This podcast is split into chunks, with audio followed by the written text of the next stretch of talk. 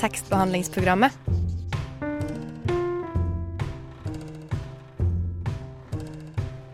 Tekstbehandling på radio.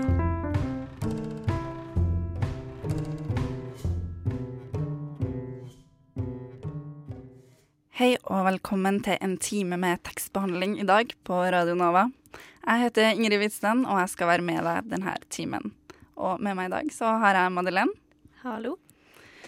Og i dag så får vi besøk av Magnus Helgerud, som er aktuell med boka 'Si meg hvor du reiser', og jeg skal fortelle dem, si deg, hvem du er.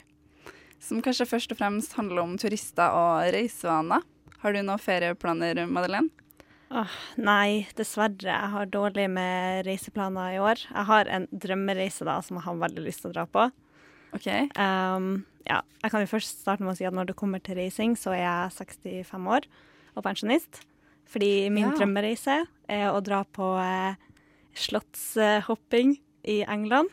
På sånne gamle borger og sånn. Og Altså, det har jeg. Jeg skal bare skape et lite bilde her i studio. Her sitter Madeleine med et genser med bilde av kongefamilien på, eh, Ja, og drømmer om slottsreiser. Ja. Du er gjennomført, da. Jeg er født i feil eh, klasse og feil tid. Definitivt. Absolutt. Mm. Jeg for min del har eh, planlagt å jobbe i hele sommer. Eh, ikke fått meg jobb, så jeg sender ut det her som en slags sånn liten sånn Kall det en liten sånn jobbannonse ut i lufta. Eh, vi skal få besøk straks, men først skal vi høre Torolf lese dagens smaksprøve, som er en litt sånn gammel spalte i eh, ny drakt. Vi har valgt å kalle den smaksprøve nå. Det er ukas dikt.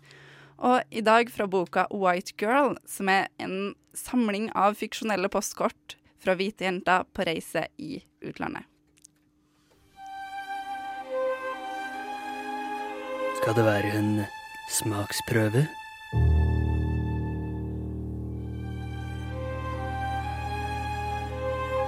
Kanskje du vil eh, smake på litt verdenslitteratur? Kanskje du vil smake på litt tekst?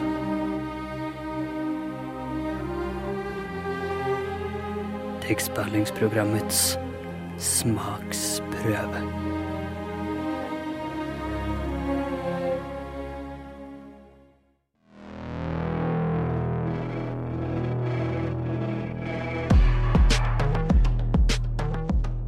Jeg innrømmer jeg blir trist av det når du den oppmerksomhet meg ignorerer.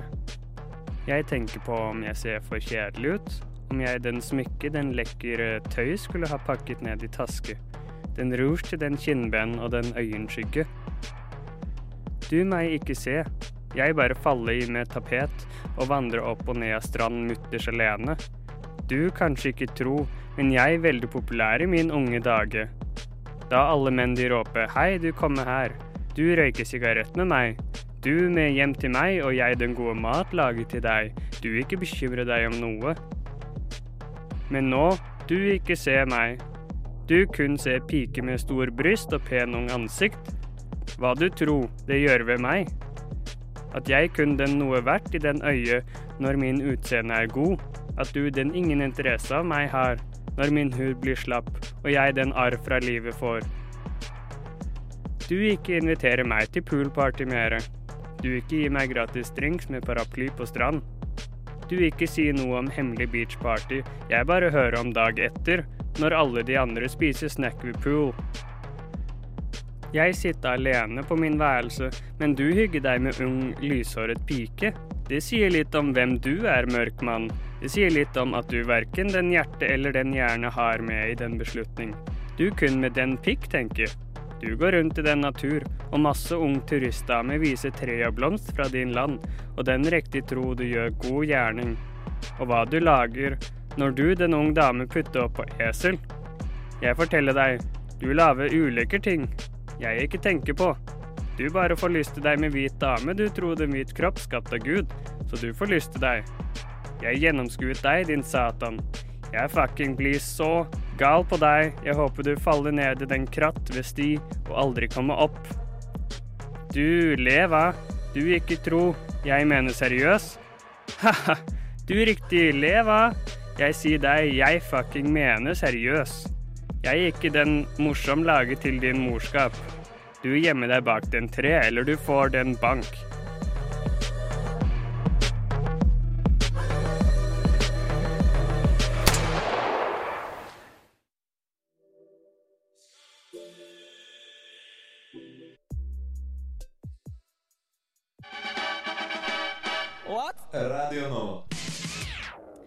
Det var Far 500, Sebastian Zalo med Tur.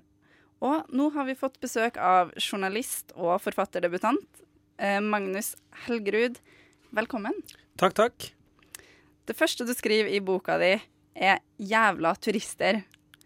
Noe som går igjen i boka, det var jo også vurdert som tittel, og ganske kjapt så introduserer du det her begrepet antiturisme. Ja. Hva er det? Ja, altså, nå skal det først sies da, at selvfølgelig at når jeg skriver 'jævla turister', så er det jo ikke nødvendigvis det at jeg synes at alle turister er noe jævler. Men det er jo gjerne det antituristen sier, da. Når han står der eh, overfor alle de turistene han ser ned på, med disse utbrettbare kartene sine som er i veien for hans unike opplevelse av en attraksjon, så sier han jo 'åh, de jævla turistene'. Akkurat som om han ikke er en turist. Og det er jo dette antiturisme handler om, da. Eller en antiturist er jo en som mener at han er en bedre type reisende enn den vanlige turisten. Er det mange antiturister ute der? Ja, eh, det er jo det. Det er helt sikkert flere såkalt vanlige turister. Men eh, hva skal jeg si Antituristens måte å oppleve det turistiske landskapet på, dominerer i veldig stor grad reiselivsdiskursen i Norge i dag. Altså, Ikke bare i Norge, da, men også typ i, i Nord-Europa. Senest i går så er det Sunday Times Travel. I siste utgave der står det på, på forsida eh, Rome, love the real city. Altså en guide til å finne det, det ekte Roma, da. Akkurat Mm. som det finnes et Roma som er mer ekte enn en turistenes. Ja. Eh, har du lyst til å lese et lite utdrag om antiturisme fra boka di? Ja, du, det kan jeg gjøre. Skal vi se her, et kort lite utdrag fra, fra starten av boka her. Hvor jeg da har forsøker å finne frem til dette ekte Roma, da, se om det, det finnes der ute et sted. Min leilighet ligger i det området som går for å være det sentrale Romas mest romerske nabolag. Jeg har funnet et krypinn i sjarmerende og rolige Garbatella, og det litt mer livlige Testaccio ligger rett rundt hjørnet. Det er ikke romerne selv som har fortalt meg at det, det er her man finner et slags Roma som er mer egentlig og ekte enn resten av byen. Det er det bidragsyterne på den store nettportalen TripAdvisor som har gjort. I disse brukernes omtaler av denne bydelen går refrenget omtrent som dette. Kom deg ut av turistløypa og ta metrolinje B til Testaccio. Vi hadde sett alle høydepunktene og lette etter noe autentisk. Her er det bare lokale. Du føler deg som en romer når du bor i Garbatella. Det finnes nesten ikke én eneste anmeldelse av disse to bydelene som ikke inneholder slike fraser. De som skriver dette, er altså turister som forteller andre turister i et forum for turister, hvor de bør oppholde seg for å unngå turistene. Dette er turister som hater turister. Så det er beskrivelse av antiturisme. Ja, det kan du egentlig si. Ja. Um, når du har vært på denne leiten etter det autentiske Roma, uh, så har du jo um, skrevet i boka at 'when in Rome, do as the Romans does'. Yep. Ja, Mm. Romans heter det kanskje. Jeg vet ikke. Mm. Um, og det var jo en uh, plass i boka der du skrev om um, uh, Der du uh, Hva heter det? Eh, beskrev en dag der du har prøvd å leve som det. Mm. Um, og du har vært på nattklubb, og du skal lage AN i YMCA. Og så møter du plutselig blikket til en gammel kollega av deg fra Norge Mhm. som kjenner deg igjen. Eh, kan du fortelle noe om eh, hva gjorde det for din opplevelse av eh, å være en autentisk romer? Ja, altså den scenen der eh, handler jo litt om det som er, hva skal jeg si, hjørnesteinen i den moderne turismen, som jeg i boka kalt for bortlengsel. Og det er da det motsatte av hjemlengsel, som betyr å lengte Altså du, du lengter til noe som er annerledes enn det du opplever til daglig. Og når jeg står der da altså jeg, jeg, danser ikke på Skaus plass her i Oslo. Mens på Piazza Trilussa i Roma slapper jeg meg løs sammen med en venninne av meg fra byen og, og, danser, ikke sant, fordi jeg er i utlandet, jeg er i en annen kontekst. Jeg ønsker å føle, ta Roma på pulsen. Og når, jeg, når da kollegaen min, da, som er nordmann, står der og ser meg inn i øynene når jeg står der og skal danne den annen, så, så ødelegger han idyllen. ikke sant? Mm. Da blir jeg litt sånn OK, hvem er jeg nå? Er jeg eh, Magnus som er ute og opplever det, det ekte, egentlige Roma, eller er jeg kollega Magnus? Så det blir en slags rolleblanding. da. Fordi når man er ute og reiser, så er det det er en ganske vanlig greie. Du tar på deg en, ikke en helt annen rolle, men du går inn i en litt annen rolle da når du reiser ut til det store utland. Mm. Mm. Tror du det er en slags sånn um, behov for å spille ut roller som en ikke får gjort hjem? Ja, det tror jeg definitivt. Eh, jeg tror definitivt at det handler en del, eh, en del om det. Vi poster jo bilder av hva skal jeg si, morgenølen på flyet på vei ned klokka 09.45, ikke sant, hvis vi skal på ferie. Hvis du gjør det en helt vanlig tirsdag i oktober, hvor du er hjemme, da får du omtrent fyken, ikke sant. Så det er det å ta på seg denne ja. reisementaliteten, da. Mm, du har fått uh, valgt noen sanger for oss i dag. Den ene er Dean Martin med 'On an Evening in Roma'. Mm. Hvorfor valgte du den? Fordi den uh, tar vel egentlig for seg et av de tingene som, er, som snakkes lite om når det kommer til det med autentiske reiseopplevelser. Jeg skjønner også hvorfor det snakkes lite om det, men altså, det er ofte snakk om mat uh, og kultur, historie, den type ting. Møte med mennesker. Men kanskje den aller mest autentiske opplevelsen du kan ha som en reisende, det er jo en slags hva skal jeg si, romantisk forbindelse med en person fra det stedet. Det er en sånn Myten om the Latin lover lever jo i beste velgående, har levd i flere titalls år. Og den sangen her handler egentlig litt om det, hvor han ser disse eh, forelskede parene rundt i Roma og ønsker å treffe en romerinne, da. Da skal vi høre på den.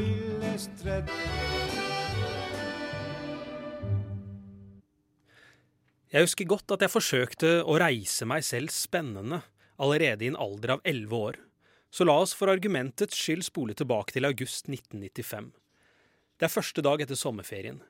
Lærerinnen vår Signe har en fast greie hun gjør etter hver ferie, hvor hun ber oss alle om å fortelle noe vi har gjort siden sist vi var på skolen, og deretter skriver hun det ned på flippoveren som står i hjørnet ved døra.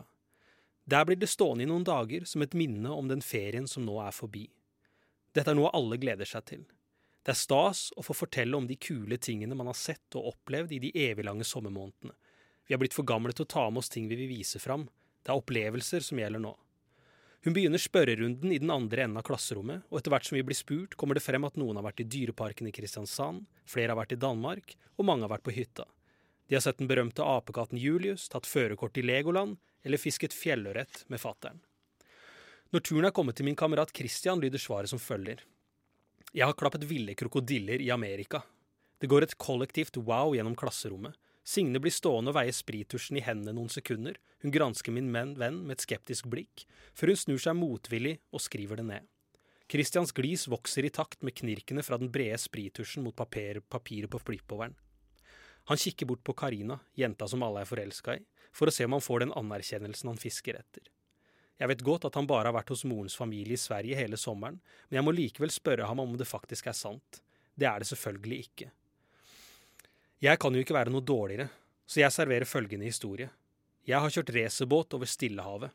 Hvem reiste du med? spør Signe meg med sitt granskende blikk. Sammen med onkel Morten, svarer jeg. Hun tar opp tusjen og skriver Magnus har kjørt racerbåt over Stillehavet sammen med onkel Morten mens jeg og Christian utveksler anerkjennende blikk. Med ett er vi plutselig de største eventyrerne i klasse 6A, i våre egne øyne, om ikke annet. Tusen takk. Eh, ja. Um, også i boka di skriver du litt om reisen som en redefinering av selve. Kan du mhm. forklare hva du mener med det? Ja, det er en litt sånn akademisk betegnelse, men det jeg mener med det, er jo egentlig at vi bruker reiseopplevelser for å si noe om oss selv, da. For å definere oss selv, f.eks. i sosiale medier. i dag. På Instagram, Facebook, Snapchat så sendes det stadig vekk og postes det stadig vekk bilder fra reiser. Det var jo en litt sånn tidlig versjon av det du gjorde da du var elleve år og Ja. kjørte med racerbåt over Stillehavet med onkelen din. Ja, det er på en måte det, ikke sant. At det, det er det, det første minnet jeg har fra en sånn setting hvor en reiseopplevelse blir til noe som er kult, da.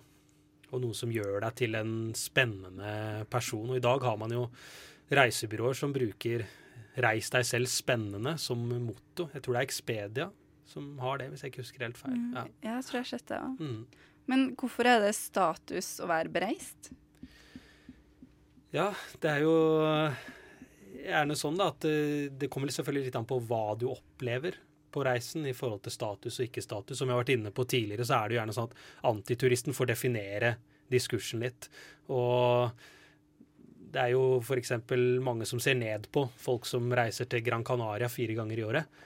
Mens hvis du har vært på Kilimanjaro, en tur i Laos og også opplevd det ekte Roma, så er det liksom du er en slags eventyrer, da. Så status avhenger også selvfølgelig litt av hva som er eh, hva skal jeg si, gangbar mynt da, i den det kulturelle kapitalens eh, landskap. Mm. Ja. Eh, hvis du skal tenke deg en stereotypisk reisende fra Vi har jo nevnt eh, amerikanere her, f.eks.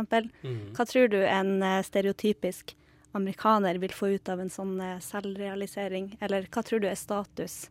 Bare hvis du skal si et eksempel for en reisende. Hvis du skjønner? Ja, altså Det jo Det varierer jo veldig hva som er motivasjonen, da. Mm.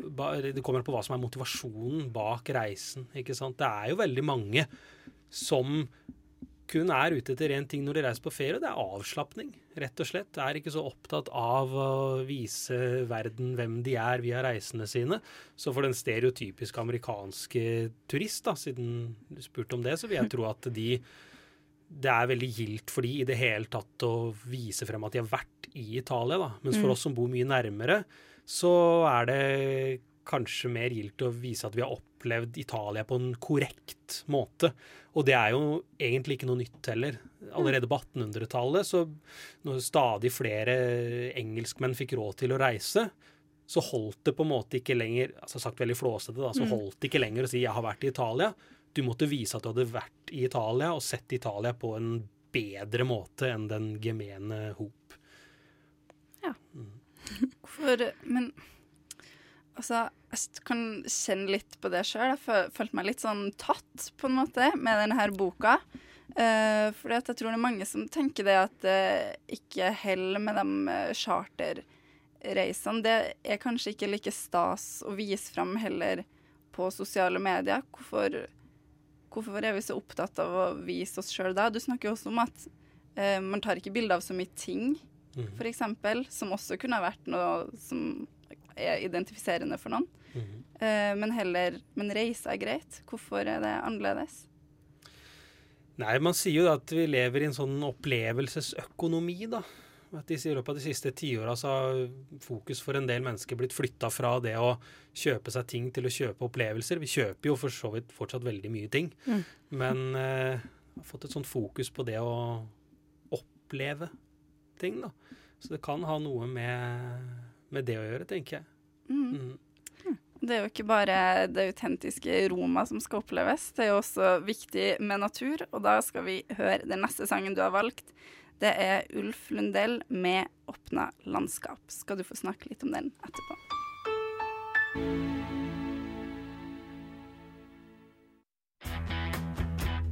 Hallo, mitt navn er Knut Nærum, og du hører på tekstbehandlingsprogrammet. Jeg går i hvert fall ut fra at du gjør det. Yes, du hører på tekstbehandlingsprogrammet her på Radio Nova. Og i stad så hørte du Ulf Lundell med 'Vakre øpna landskap'. Og med oss i dag så har vi fremdeles Magnus Helgerud. Og i boka di så har du et kapittel som heter 'Vi trives best på besøk i åpne landskap'. Hvorfor reiser vi til naturen, men vil bo i byer? Ja, det er jo har jo et veldig sånn, i hvert fall vi urbane byboere, et veldig romantisk syn på, på naturen. Det har vi jo hatt i, i noen hundre, hundre år, denne dikotomien by-land, natur-kultur, manifesterer seg, dukker for alvor opp på starten av, av 1800-tallet med den voldsomme industrialiseringa. Og den har etter hvert da blitt en viktig del av hva skal vi si, av turist, turismenæringen. da. Det å, Siden vi bor i byer, så ønsker vi å reise ut til mer naturlige omgivelser for å hva skal jeg si, roe, roe nerva, få lavere puls. Mm. Mm. Um, ja, du snakka jo litt om det, men hvordan vil du si at vårt forhold til naturopplevelser uh, Vil du si at det kan si noe om hvem vi er? Ja, eh, det sier jo noe om oss. Det, det, gjør det. Det er litt sånn paradoksalt at jo mer fremmedgjorte vi blir i forhold til naturen, da, Eh, at vi bor i byer og omgir oss med stadig mer teknologi, jo mer ser det ut til at folk ønsker å reise bort til natur. Altså det bygges stadig flere hytter i Norge, f.eks. Mm -hmm. eh, og naturopplevelser, det selger som Jeg vet ikke hva jeg skal sammenligne det med, men det selger i hvert fall veldig, veldig godt. Og det er litt sånn paradoksalt, så, så hva det, det sier om oss, er vel at ja, hva sier det egentlig om oss? For det, for det er litt, litt svar, eh, svar Litt vanskelig å svare på, kanskje? Ja, det, kommer det, litt an på det, hvem det er. Ja, det er et ja. stort spørsmål. det, det, er det. Mm. Men du var jo på den her eh, Hurtigruta, mm. en slags sånn ekspedisjonsreise mot Sydpolen. Mm. Eh, og da var det jo mer naturen eller det ekstreme du var på søken etter. Kan du fortelle litt om denne reisen? Ja, det, det, var jo for så vidt en veldig flott reise. Så jo hele norskekysten. Vanvittig eh, vakkert. Men da eh, fikk jeg jo på en måte observere litt på nært hold også hvordan turister i dag forholder seg til ekstreme naturopplevelser, da, og, og hvilke på en måte kleine situasjoner som kan oppstå i, eh, når turistnæringen forsøker å selge ekstreme naturopplevelser til vanlige turister. Vet ikke om dere vet at jeg skal lese noe ja, ja, fra det? Gjerne hvis det er det. Ja. Det er vel en tysk uh, guide som utgir seg for å være ja, det, litt andre. Det, det stemmer. Vi, var, vi, skulle på utflukt eh, i Hammerfest, så skal vi høre litt kjapt hvordan det forløp seg her. Ja, vær så god. Noen dager ut i seilasen har skipet lagt til kai i Hammerfest. Vi står stuet sammen i resepsjonen ved landgangen på dekk tre. Alle må skanne strekkoden på nøkkelkortet sitt før de får forlate skipet, og skannemaskinens robotstemme ønsker oss lykke på ferden. Goodbye, goodbye, goodbye. Gud være med oss. Kanskje kan vi faktisk trenge Guds hjelp, for vi skal på en utflukt som beskrives på følgende måte i Hurtigrutens brosjyrer.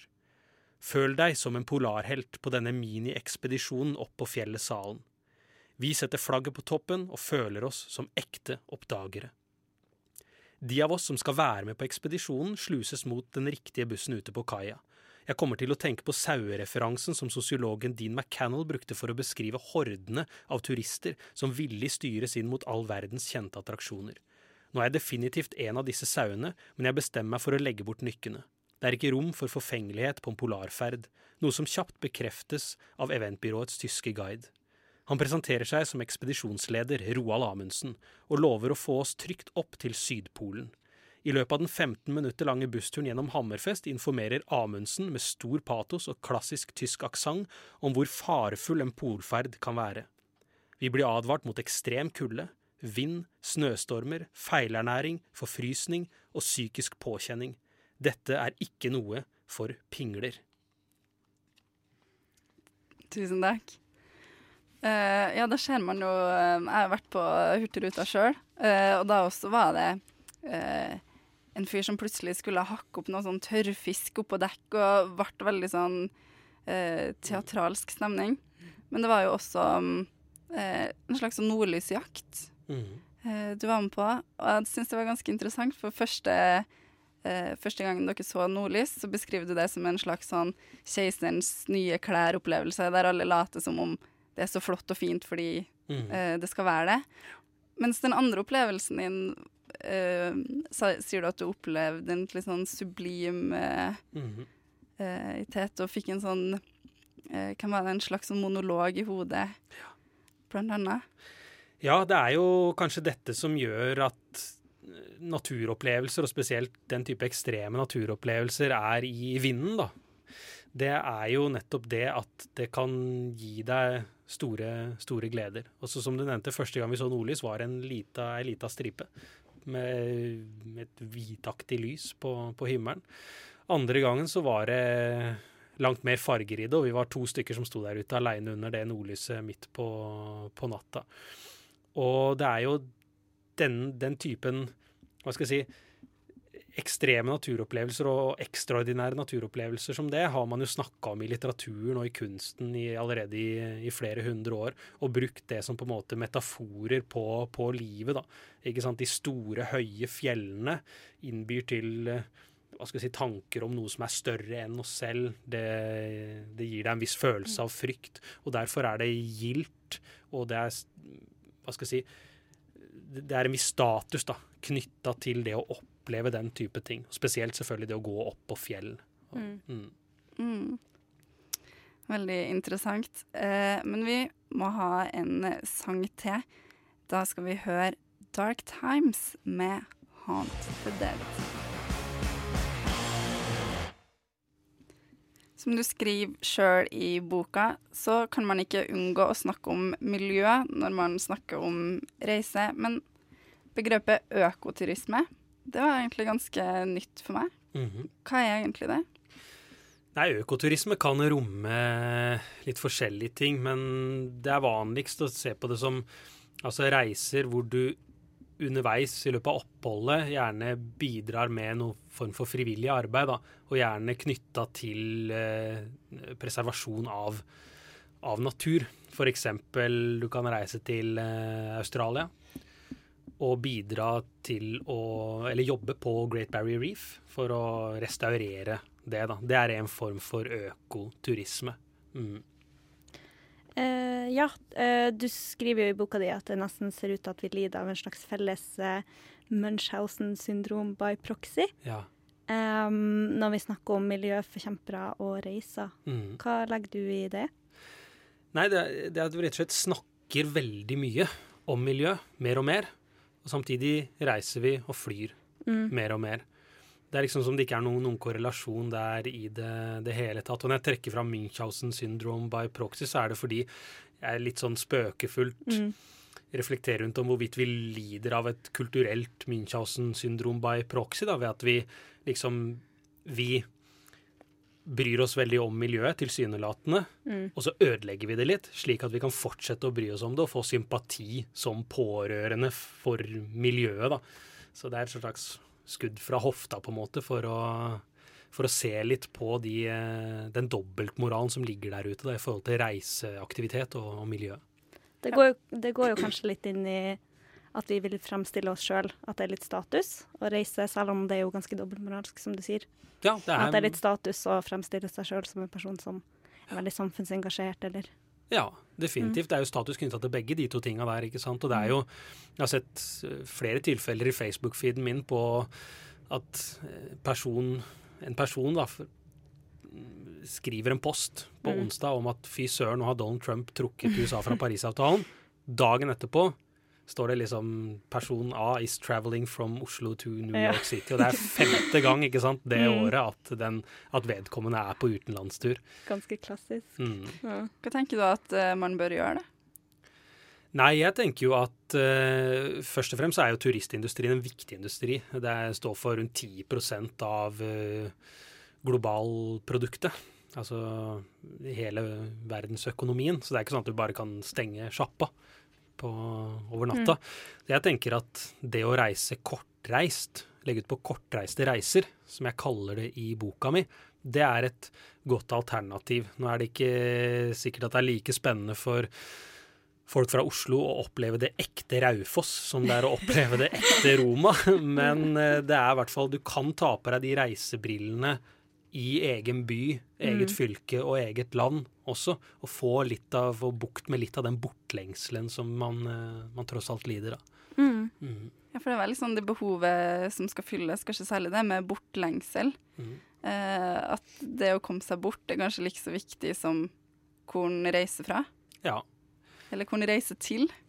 Ja, definitivt. Det, det tar jeg en del opp i boka òg. Nettopp det du sier der. At uh, det handler til syvende og sist om å se, lukte, høre og føle noe annet enn det du ser, lukter, hører og føler i det daglige. Mm. Mm. Mm. Eh, men hva slags eh, Du snakka litt om sånne kom kommersielle aktører med tanke på fly og sånne ting. Eh, når vi snakka om eh, Roma og det autentiske, men hvordan er de i forhold til miljøproblematikken? Nei, de er jo veldig si, flinke til å formulere seg, ikke sant? Eller selv om alle ikke er like, like flinke. Det er mye snakk om carbon offsets og at eh, her kan med oss reiser du så miljøvennlig som det er mulig å få til. Men det er jo da noen kleine eksempler på det òg, hvor charterselskapet Ving liksom har introdusert det de kaller for grønne flyvninger. og hvis du går inn på nettsidene deres og leser om hva de innebærer, så er det at de da de passer på å plassere lasta i flyet korrekt. De sjekker vær og vindforhold og forsøker å glidefly de siste 200 km inn til landing. Og det er jo bare kostnadsbesparende hensyn. Det mm. handler jo ikke om miljø, ikke sant? men de forsøker å spinne det da, til å få det til å handle om miljø. De tinga de vanligvis ville gjort uansett. Og det er litt sånn kleint å, Ja. å Litt sleipt, kanskje? Ja, men forbrukerne kjøper det tydeligvis, da. Det, det vi, vi, vi, ja. Altså, jeg er jo vokst opp i Nord-Norge, ikke så langt fra Lofoten. Mm. Um, så jeg ser jo veldig tydelig på sommeren. Da er det jo ekstremt mange turister på veien som sikkert er Mm. reist til Nord-Norge for å ville oppleve litt autentisk natur. Mm. Men samtidig så holder de jo på å ødelegge hele Lofoten, f.eks. Det er jo nedforsøpla. Mm. Så det er jo eh, Det er ganske tydelig. Det er kjempeparadoks, det der. Mhm. Det er det. Men avslutningsvis, hva tenker du er den riktige innstillinga for reising? Eh, nysgjerrighet, tenker jeg. Det er, hvis jeg skal oppsummere med ett ord, så må det, må det bli det. At man er eh, genuint nysgjerrig når man er eh, Mm. ute og reiser i, i verden eller i, i eget land. Mm. Kanskje man skal prøve å legge fra seg hva som er status, og faktisk reise dit man har lyst. Det er også en Mm. god idé, synes jeg. Ja. Da blir det gode reiseopplevelser. Ja. Du Madeleine snakka jo blant annet om å dra på slott. Ja. Slottsreise. Kanskje du Jeg blir ganske mobba for det, faktisk. Fordi eh, folk mener at eh, det er noe jeg kan gjøre når jeg blir pensjonist. Men eh, det er jeg imot, fordi jeg har veldig lyst til det. Kjør på og legg det ut på Instagram. Ja. Men har du noen reiseplaner eh, i sommer, Magnus? Ja, du, det har jeg. Jeg skal på en eh, skikkelig urhytte i skauen sør i Trøndelag. Eh, uten strøm, uten vann. Eh, for å gjøre research til et nytt eh, bokprosjekt. Så det er litt ferie, litt jobb. Og hva handler den neste boka om? Den handler veldig grovt sett om nordmenns forhold til uh, hytta og friluftsliv. Ja, Så litt mer reising der også. Du skriver jo også i boka di at du det er bare å ta på seg skoen og gå ut døra, så blir det en reise. Mm. Så kanskje jeg får reist litt uh, i sommer likevel, sjøl om jeg håper mest på å jobbe. Men Du kan ta uh, veien til jobben som en reise. Gå nye ruter hver dag Nye sånn. gater, ja. Ja. nye ruter. Men da må vi si takk til deg. Takk for at jeg fikk komme. Så får du ta på deg skoen og reise videre ut hvor enn du skal videre. Ut i Oslos gater. Ja. Reis ut i Oslos gater. Det er veldig fint. Da skal vi høre Ni grader nord med hymnen.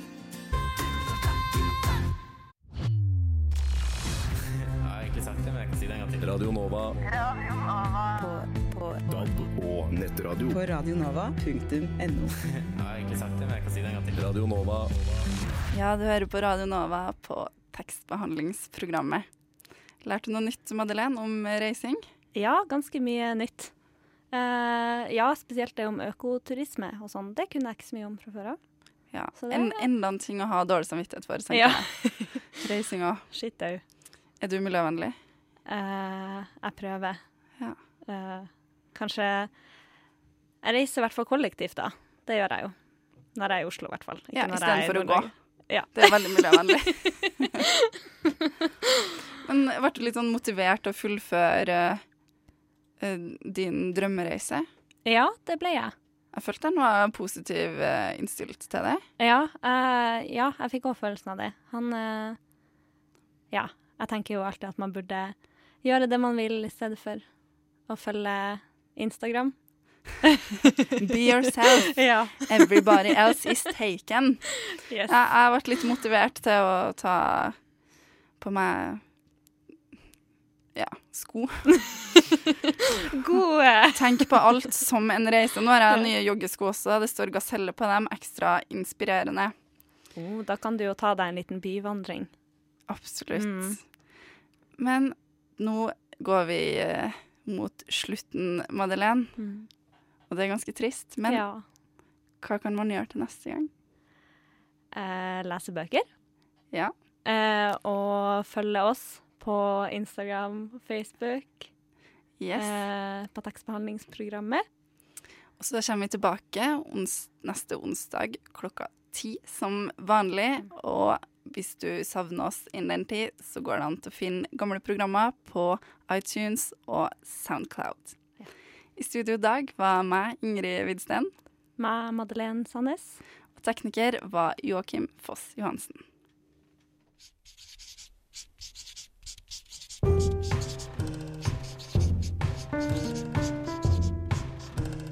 Tekstbehandlingsprogrammet. Tekstbehandling på radio.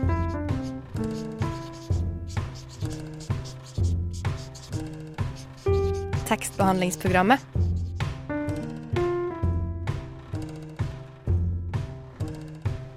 Tekstbehandling på radio.